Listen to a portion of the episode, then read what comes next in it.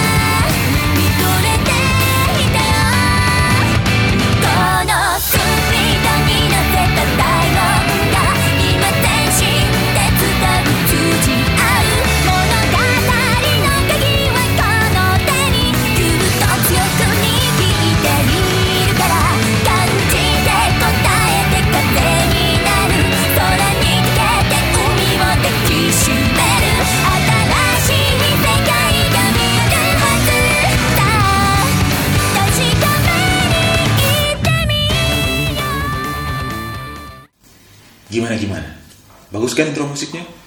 Atau merasa pernah dengar intro musik ini?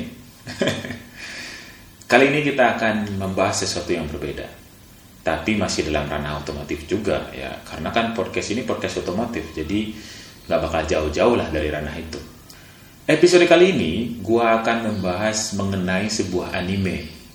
Anime yang bercerita tentang slice of life, kehidupan cewek-cewek SMA Jepang yang mempunyai ketertarikan terhadap dunia sepeda motor. Mungkin udah pada tahu juga kali animenya ya, kan soalnya intro musiknya udah gue putar di depan. Iya, anime yang akan kita bahas kali ini adalah Bakuon.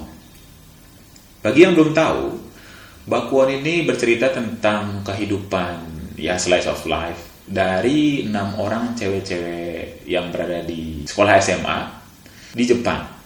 Enam cewek-cewek ini mempunyai ketertarikan dalam hal yang sama yaitu mengendarai sepeda motor.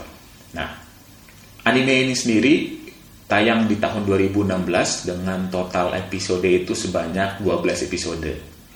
Di sini gua akan mencoba membahas, mereview sepeda motor yang dipakai oleh 6 tokoh utama ini.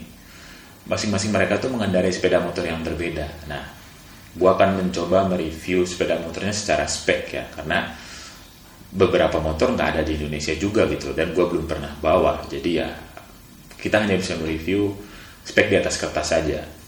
Tapi sebelum ke sana, gue mau ngobrolin dikit sih soal animenya juga. Gue pribadi udah nonton animenya, udah nonton Bakuon ini, dan menurut gue anime ini bagus ya, cukup oke okay lah untuk ditonton gitu loh. Secara cerita animenya nggak berat-berat amat, plotnya bagus ya, nggak nggak nggak terlalu ruwet menurut gue, ya karena kan ceritanya cuma slice of life juga. Nah, lu nggak harus paham mengenai dunia otomotif sih atau paham mengenai dunia sepeda motor untuk menonton anime ini gitu loh. Karena memang kayaknya autor dari animenya juga bikin animenya itu sangat ringan. Jadi karena ceritanya ringan, orang yang nggak paham dengan dunia sepeda motor pun tidak akan mempunyai masalah gitu untuk menonton dan menikmati anime ini gitu loh. Kalau lu pernah nonton Keiyong, Keiyong itu mirip dengan Bakuon bukan Keong yang mirip. Kayaknya Bakuon ini mirip dengan Keong. Kalau Keong itu bercerita tentang anak-anak SMA yang tertarik dengan musik, Bakuon ini mirip dengan Keong tapi versi sepeda motor gitu. Jadi anak-anak SMA cewek-cewek ini tertariknya terhadap sepeda motor. Oh iya, tokoh utamanya ada enam orang. Nah, masing-masing itu namanya yang pertama Hane Sakura, yang kedua Rin Suzunoki, yang ketiga Onsa Amano, yang keempat itu Raimu Kawasaki atau Raimu Senpai, yang kelima itu Hijiri Minowa, dan yang keenam tokoh yang paling muda yang diperkenalkan kalau nggak salah di pertengahan episode deh, itu Chisame Nakano. Kita langsung mulai aja kali ya untuk review sepeda motor tokoh utama yang pertama yaitu Hane Sakura.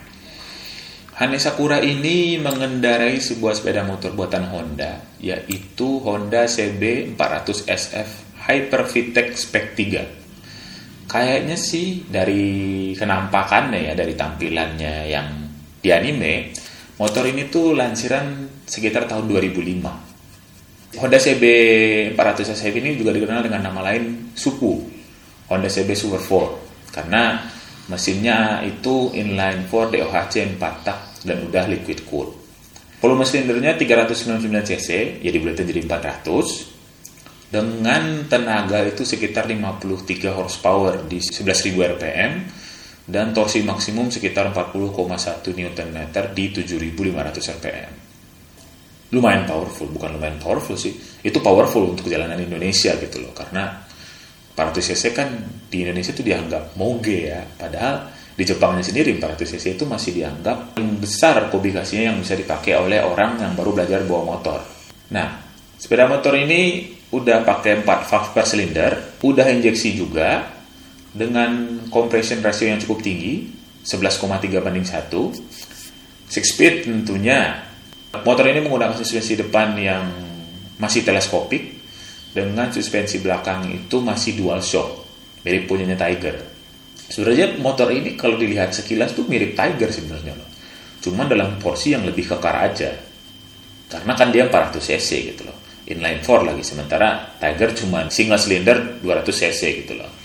Tapi secara penampakan si CB 400 SF Super 4 ini itu sangat mirip dengan Honda Tiger. Nah, Seberang motor ini lumayan berat juga, beratnya sekitar 198 kg dengan rangka yang masih double cradle. Uh. Sistem pengeremannya depan udah cakram, kalau nggak salah double disc, dan belakang juga udah cakram single disc. Nah, motor ini menurut gua ya, ini pendapat pribadi, merupakan motor yang sangat collectible. Secara desainnya timeless. Lampu depannya itu masih bulat, apalagi ya? Oh suspensi belakangnya masih dual shock rangkanya sendiri masih double cradle gitu loh dan sebenarnya motor ini udah diproduksi dari tahun 80-an oleh Honda sendiri. Dan masih diproduksi hingga saat ini. Nah eh, memang udah mengalami beberapa upgrade dan perubahan ya dari awalnya karburator sampai sekarang injeksi. Tapi Honda masih terus bikin sepeda motor ini gitu loh. Alasannya kenapa? Karena memang secara desain dan secara mesin ini motor tuh timeless menurut gua, menurut gua nih lagi-lagi nih. Kalau lu punya duitnya, sepeda motor ini adalah salah satu sepeda motor yang worth it lo buat dibeli. Dengan kubikasinya yang 400 cc, terus horsepowernya yang 53 HP, itu cukup lah untuk dibawa ke mana pun dan untuk keperluan apa pun menurut gua. Baik untuk touring, baik untuk mungkin sekedar berkenal dalam kota atau mungkin apa namanya komuter doang kayak berangkat kerja terus ke ke mana ke minimarket beli sesuatu dimensi dan power dan desain dari motor ini tuh cukup gitu loh. Karena secara desain juga motor ini tuh dibikin naked bike ya. Jadi lu nggak bakal capek-capek amat gitu ngebawanya untuk touring. Nah 400 cc dan 53 tenaga kuda itu cukup untuk lu berkendara bersama penumpang gitu loh 53 tenaga kuda nggak kecil ya. ya. Walaupun memang motornya rada berat gitu loh. Dia 198 kg. Tapi torsinya juga lumayan loh. 40,1 Nm di 7500 gitu loh. Itu lebih daripada cukup buat lu mampu berlari dengan kecepatan yang lumayan tuh. Kalau nggak salah motornya top speednya sekitar 185 km per jam gitu loh. Dan itu nggak bisa dibilang pelan ya satu hal yang mau gue tinjau sebenarnya, kenapa Sakura Hane, di toko utama di Bakuan ini memilih sepeda motor ini, itu sebenarnya mungkin dari autornya juga ya, autornya mungkin tahu gitu loh kalau CB 400 SF itu karakter motornya itu lumayan calm ya, lumayan lumayan linear power power deliverynya. Jadi dia nggak nggak temperamental gitu motornya, nggak nggak brutal gitu yang bikin orang baru bawa sepeda motor itu menjadi kagok untuk membawanya gitu loh. Di Jepang sendiri 400 cc itu merupakan cc kubikasi terbesar yang boleh dibawa oleh orang yang baru belajar sepeda motor sebenarnya. Makanya Sakura Hane membeli sepeda motor ini. Di animenya sendiri, si Sakura Hane-nya membeli sepeda motor ini secara bekas dari salah satu toko utama yang lainnya yaitu Onsa Amano. Si Onsa Amano itu bapaknya punya dealer sepeda motor bekas sebenarnya. Nah Sakura Hane beli sepeda motor ini si CB 400 ini dari si Onsa Amano itu gitu. Overall kalau menurut gua pribadi CB 400 SF itu merupakan motor all rounded. Motor yang bisa lo pakai untuk keperluan apa pun gitu loh karena powernya cukup, posisi berkendara enak, dan dia juga tinggi juknya nggak tinggi amat. Dia cuma 755 mm dari permukaan tanah tingginya gitu loh. Jadi untuk orang-orang yang mungkin tingginya rada kurang ya, let's say di 100 di bawah 170 cm, tinggi jok 755 mm itu sangat membantu dalam berkendara gitu loh kan sebaiknya kaki kita napak kan kata kalau berkendara itu walaupun ya kalau udah terbiasa bisa aja kita bawanya gitu loh. Nah setelah Hane, gua akan mereview toko utama yang kedua yang pakai motor 400 cc juga. Tapi dia nggak pakai 400 cc nya Honda. Dia makainya 400 cc dari Suzuki. Motor yang dia pakai itu adalah GSX 400S Katana Toko yang makainya bernama Rin Suzu Noki. Nah, Rin Suzu Noki ini karakternya di Bakuon ini kayak cewek-cewek sundere gitu yang dia dari hard fansnya Suzuki lah. Dia pokoknya mencintai brand Suzuki ini dengan sepenuh hati. Dia bakal emosi gitu kalau ada orang yang ngejek brand Suzuki. Segitunya dia sama Suzuki. Nah, motornya sendiri yang GSX 400S Katana ini merupakan motor warisan dari bapaknya. Bapaknya ganti motor dengan Katana juga tapi yang 1000 cc. Nah secara spek, si Suzuki Katana 400 cc ini, di Indonesia Katana tuh terkenalnya sama mobil sih. Padahal Katana itu ada versi motornya juga loh. tapi ya sudah lah. Si GSX 400S Katana ini di atas kertas itu mesinnya inline 4 DOHC. Udah pakai radiator, ada liquid cool, dengan kubikasi sebesar 399 cc, ya dibulatin jadi 400. Tenaganya sekitar 53 horsepower di 10.500 rpm dengan torsi 32, Nm di 9.500 rpm. Nah, mesinnya udah DOHC 4 valve, tapi kalau punya Hane yang CB400 SUVU itu udah injeksi, yang katanya ini masih karburator. Karburatornya itu pakai BST 32 mm-nya Mikuni. Kompresi rasionya lumayan tinggi, 11,8 banding 1. Udah 6 speed juga. Suspensi depannya masih telescopic fork. Suspensi belakangnya juga masih pakai dual suspension kayak yang CB400 SF. Pengeremannya depan belakang udah cakram dan motor ini lebih ringan dibandingkan si CB400 SF. Dia sekitar 182 kg beratnya. Rangkanya pun masih double cradle dan tinggi joknya lebih rendah 5 mm alias 750 mm dari permukaan tanah. Gue pribadi belum pernah membawa sepeda motor ini, tapi setahu gue Katana merupakan line up legendaris dari sepeda motor Suzuki. Tahun 2019 kemarin, ya, apa tahun 2000, kayaknya tahun 2019 awal deh, Suzuki sempat merilis Suzuki Katana yang baru, uh, Katana 1000, yang basis mesinnya itu kalau nggak salah GSX 1000 K5 tahun 2005 nya Suzuki. Nah itu kita bahas di lain episode aja kali ya. Katana ini sendiri secara desain itu bentuknya lumayan unik loh. Unik dalam artian bisa jadi lu suka bisa jadi lu benci. Kalau mau lihat bentuknya googling aja sih bodinya sendiri itu bentuk dari sepeda motornya itu sendiri bukan didesain oleh Suzuki, tapi didesain oleh sebuah desain house dari Jerman yang bernama Target Design. Nah, karena desainnya yang trademark inilah sebenarnya yang yang yang rada unik inilah sebenarnya Katana akhirnya di reborn lagi oleh Suzuki gitu loh. Karena memang si sepeda motornya juga emang bagus sebenarnya secara performa ya.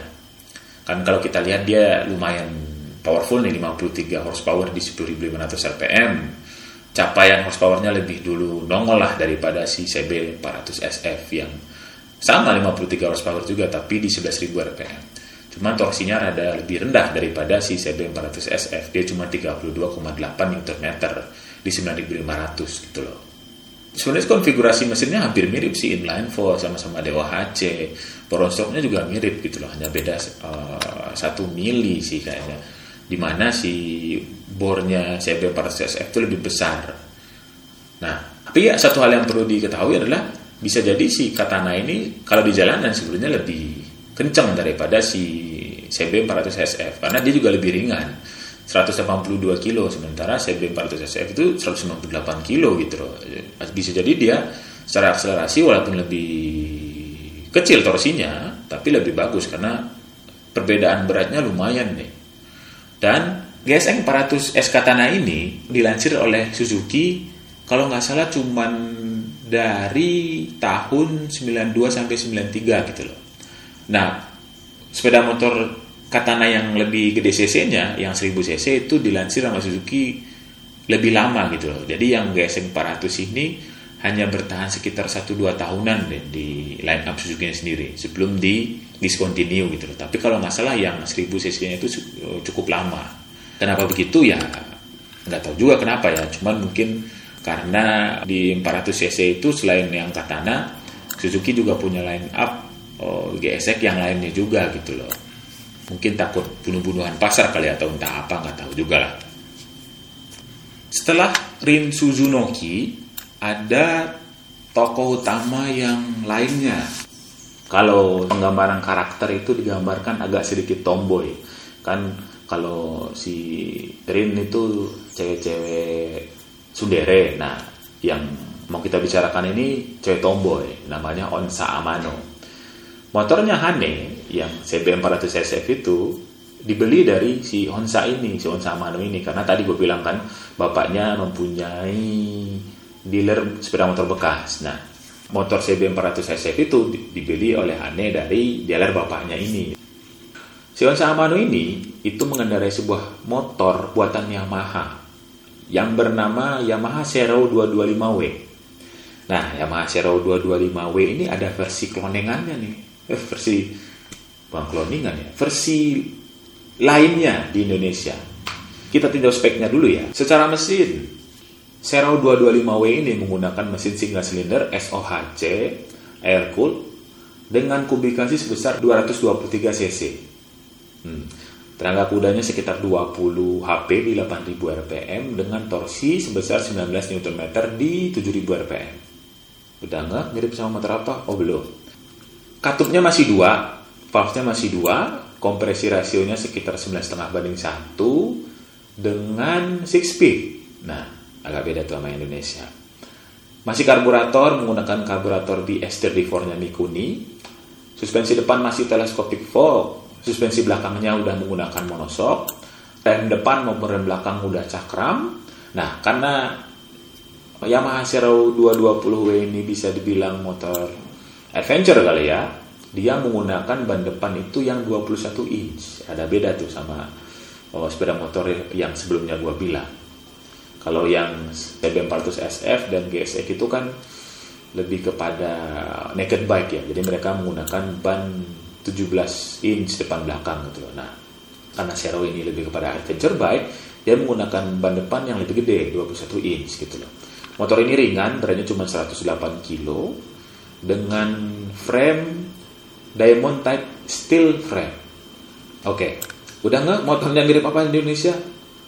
Mirip Scorpio. Nah, Zero 225 itu diluncurkan di Indonesia dalam bentuk yang berbeda dengan sedikit downgrade gua rasa ya, down spec.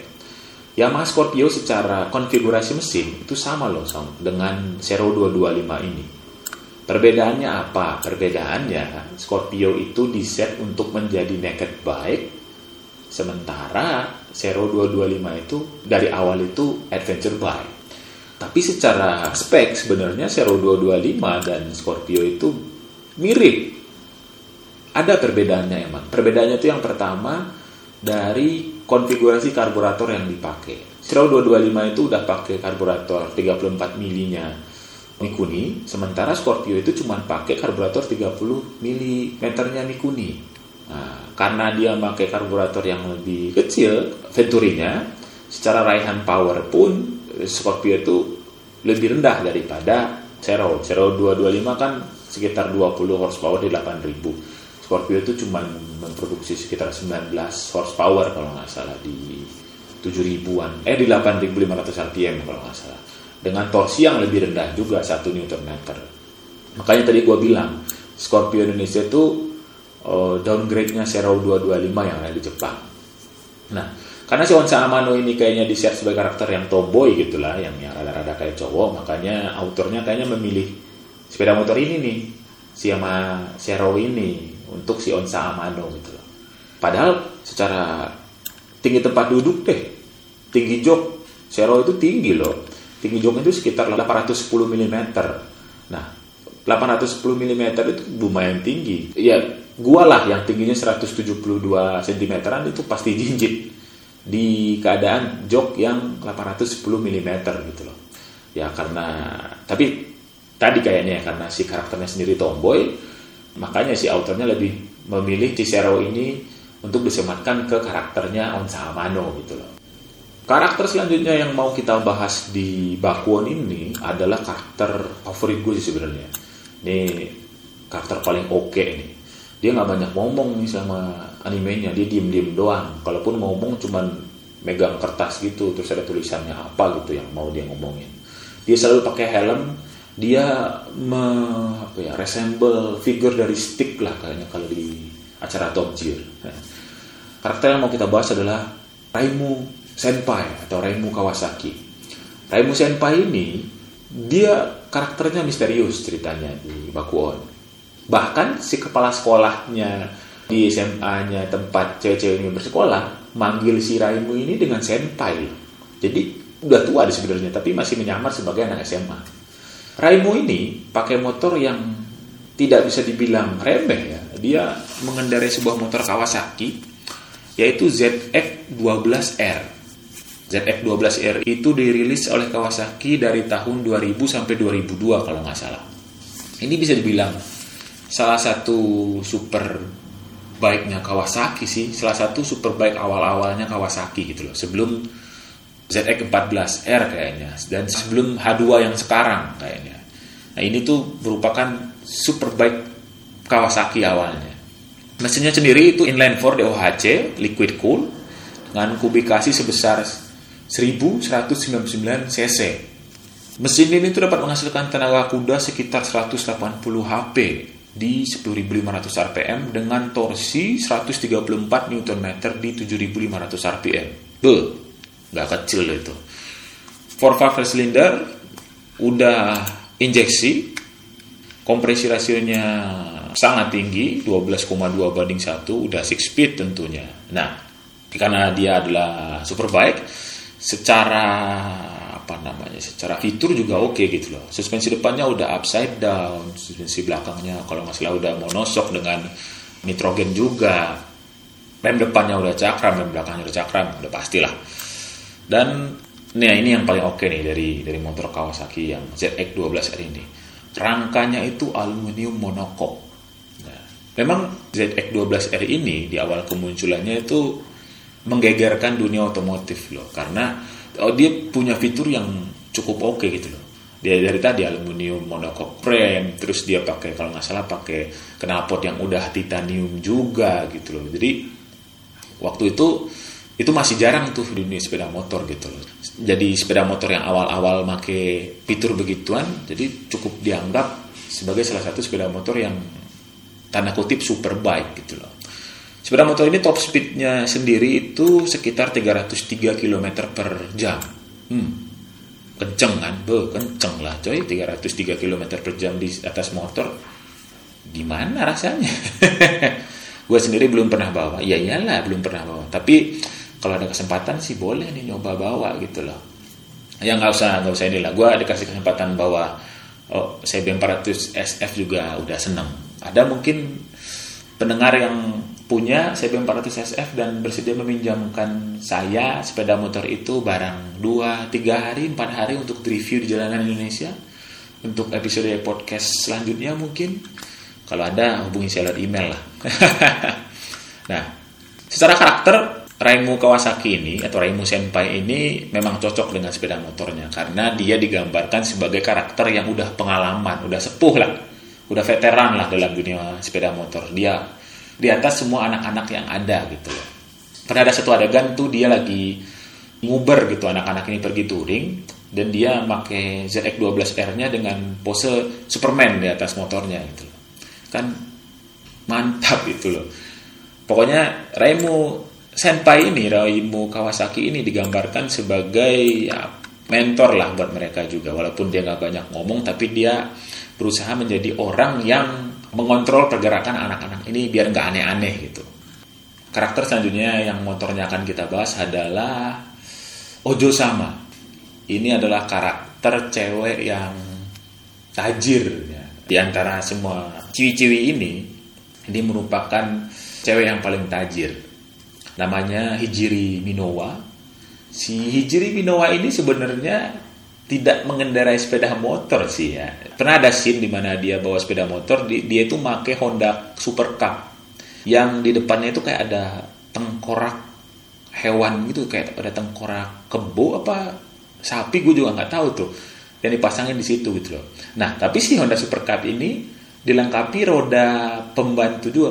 Tahu nggak roda sepeda anak-anak bocah yang biar dia nggak jatuh pada saat naik sepeda. Nah, Honda Super Cup-nya si Hijiri itu dilengkapi dengan roda itu gitu loh. Saking dia belum bisanya bawa motor. Tapi selama perjalanan, selama si cewek-cewek ini touring, si Hijiri Minowa itu sebenarnya ditemenin sama butlernya.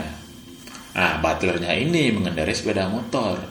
Butlernya ini mengendarai sepeda motor, si Hijiri Minowanya itu duduk di sampingnya karena sepeda motornya itu udah dimodifikasi, jadi ada sespannya gitu. Tapi yang bawa motornya bukan si Hijiri, tapi butlernya.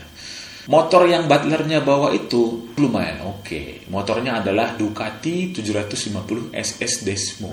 Uh, motor ini merupakan motor Ducati lansiran 1972. Be, vintage boy.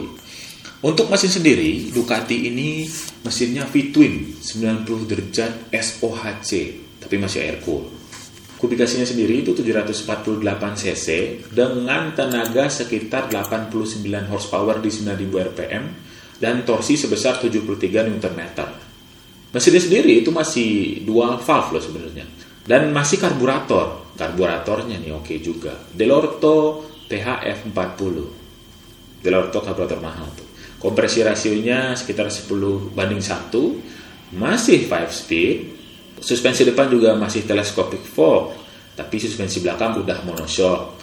Rem depan belakangnya udah cakram. Motor ini beratnya sekitar 163 kg. Nah, frame-nya oke okay nih. Frame-nya itu masih cradle, tapi bukan cradle biasa. Bukan single cradle, bukan double cradle, tapi duplex open cradle. Hmm, jos. Jadi, si Ducati 750 SS Desmo ini itu salah satu bisa dibilang sepeda motor legendarisnya Ducati gitu loh. Dulu pernah ada versi kalau nggak salah dari Ducati 750 SS ini yang versi Imola. Versi Imola itu merupakan acara rally gitu kalau nggak salah. Nah, si Ducati waktu itu terjun dan uh, memilih 750 SS ini sebagai senjata mereka untuk ikut balapan rally-nya. Kenapa motor ini disematkan kepada Hijiri Minowa? Ya, karena dia kaya. Ducati kan notabene-nya nggak murah ya. Ya, berarti secara nggak langsung si orang Jepang juga mengakui ya Ducati itu mahal ya. Saking si Hijiri Minowa ini sangat kaya ya. Ada scene waktu itu si Ducatinya ini tiba-tiba rusak. Terus dia nelpon gitulah, nelpon rumahnya untuk dikirimkan unit baru. Satu unit baru Ducati 750 SS dengan helikopter. Jos kan. Secara mesin ya, Ducati ini merupakan mesin yang paling berbeda dari mesin yang lain. Selain karena dia Eropa juga, selain karena dia Italia. Buongiorno Italiano dan yang lain Jepang, dia juga pakai konfigurasi V-twin 90 derajat. Berarti jambakan torsi Ducati ini jos nih. Karena tadi karakter mesin V-twin itu galak di putaran bawah karena raihan torsinya tuh udah ada di RPM RPM bawah biasanya. Nah, dengan karakter yang ada kayak begini, dengan karakter oh, torsinya udah ada di RPM bawah, jadi cukup masuk akal gitu loh kalau autornya ngasih Ducati ini ngasih package motornya itu dengan sespan gitu loh. Jadi ada si apa namanya si butlernya sama sespannya untuk si Hijiri Minawanya duduk gitu loh. Tapi kalau dikaji-kaji uh, jadul nggak jadulnya, sebenarnya si Ducati ini merupakan motor yang paling jadul di antara semua motor yang ada di sini. Karena dia lahirkan tahun 1972 gitu loh. Tapi walaupun gitu kan yang namanya Ducati ya Ducati. Ducati itu brand name-nya juga udah pride-nya gede. Selain memang karena secara package sepeda motor Ducati itu emang bisa dibilang above average sih di atas rata-rata sepeda motor Jepang gitu loh karena dia punya ciri khas terutama di mesinnya yang biasanya selalu konfigurasinya V. Nah, setelah si Nona super kaya tadi ada karakter terakhir sebenarnya. Karakter terakhir ini bisa dibilang karakter paling bungsu, paling muda yang bergabung itu di pertengahan cerita. Namanya itu Cisame Nakano. Nah, Cisame Nakano ini itu bapaknya pembalap ceritanya di Bakuon ini. Tapi dia mau juga jadi pembalap Cisame-nya, tapi terhalang oleh tinggi badan yang rada sedikit rendah. Dia tingginya kalau nggak cuma 145 sentian deh. Nah, itu cetek tuh. Nah, Same ini pada saat diperkenalkan awal-awal karakternya, dia tuh mengendarai dua sepeda motor. Yang pertama itu Honda NSF 100 dan selama mereka touring, dia itu make Honda PCX 150. Si Honda NSF 100-nya itu diperkenalkan pada saat scene di mana si Cisame ini ikut balapan junior gitu. Nah, sementara Honda PCX-nya itu dipakai pada saat yang mereka touring. Nah, Cici Same ini merupakan satu-satunya cewek yang pakai motor metik di karangan yang lain. Kita bahas dua-duanya aja kali ya motornya karena kan dua-duanya dia pakai itu motornya. Nah kita bahas dari Honda NSF 100 dulu. Honda NSF 100 ini merupakan mini superbike kalau bilang oleh Honda kali ya. Dia adalah sepeda motor 100 cc yang bentuknya kayak superbike yang digunakan oleh anak-anak yang ingin belajar menjadi pembalap. Nah, itu mesinnya sendiri itu masih single cylinder SOHC 4 tak masih air cool kubikasinya sekitar 99,2 cc menghasilkan sekitar 8,4 horsepower di 9500 rpm dengan torsi sebesar 7,4 Nm di 7000 rpm mesin itu masih dua valve. Nah mesinnya ini juga masih karburator. Karburatornya itu menggunakan karburator Keihin PE22 kalau nggak salah. Kompresi rasionya juga cukup rendah 9,4 banding 1 masih 5 speed. Nah joknya nih rendah nih emang di motor. Makanya cocok sama si Cisame yang nggak tinggi-tinggi amat tinggi joknya cuma sekitar 681 mm rendah banget suspensi depan masih telescopic fork tapi suspensi belakangnya udah monoshock rem depan belakang udah cakram dua-duanya nah NSF 100 Honda ini itu sangat ringan loh beratnya itu cuma 74 kg. Be. NSF 100 ini sebenarnya mesinnya mirip gitu sama CB 100 zaman dulu. Dia 100 cc memang, tapi bukan 100 cc yang tidur kayak motor bebek. Bukan 100 cc yang kayak punyanya Suprafit. Dia 100 cc-nya udah tegak ke atas. Jadi makanya agak sedikit lebih powerful daripada Suprafit gitu.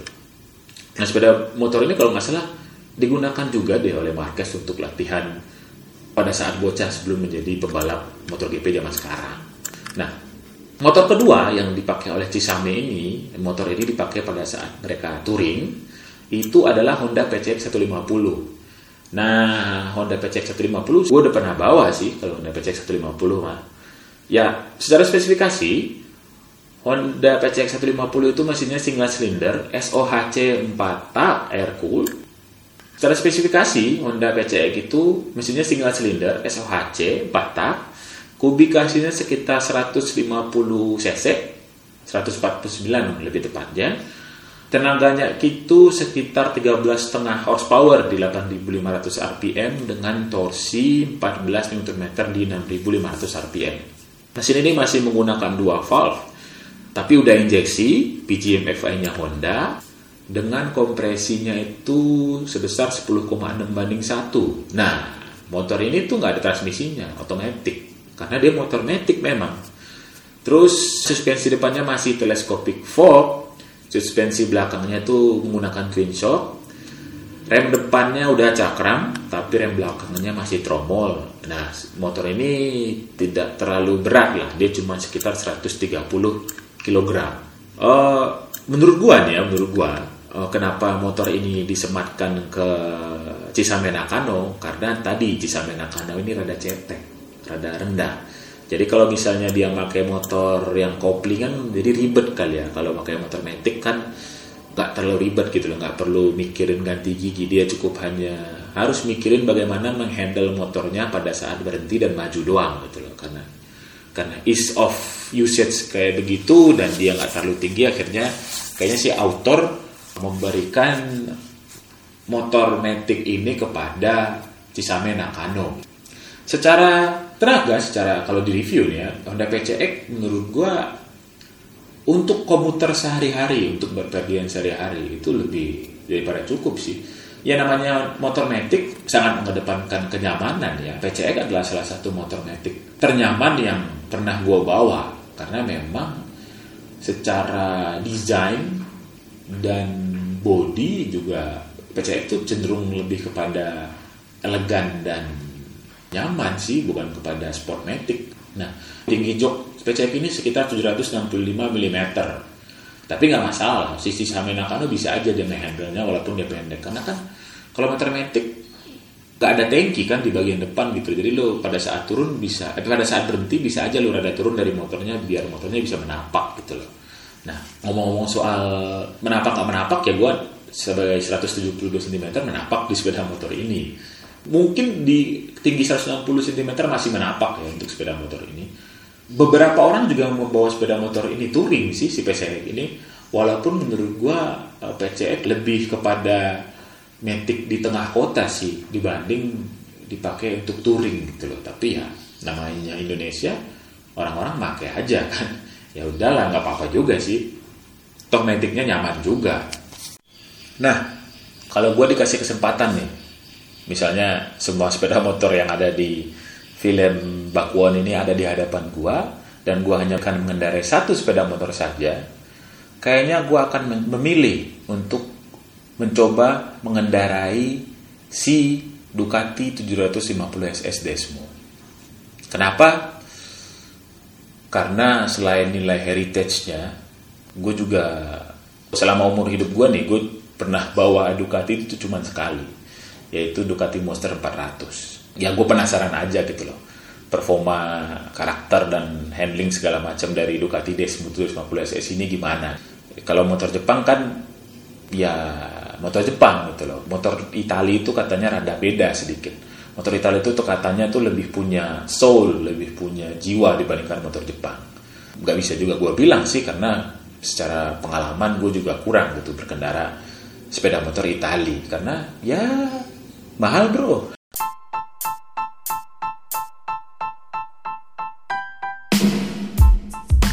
segitu dulu aja untuk podcast episode kali ini. Terima kasih sudah mendengarkan. Sampai jumpa di podcast episode selanjutnya.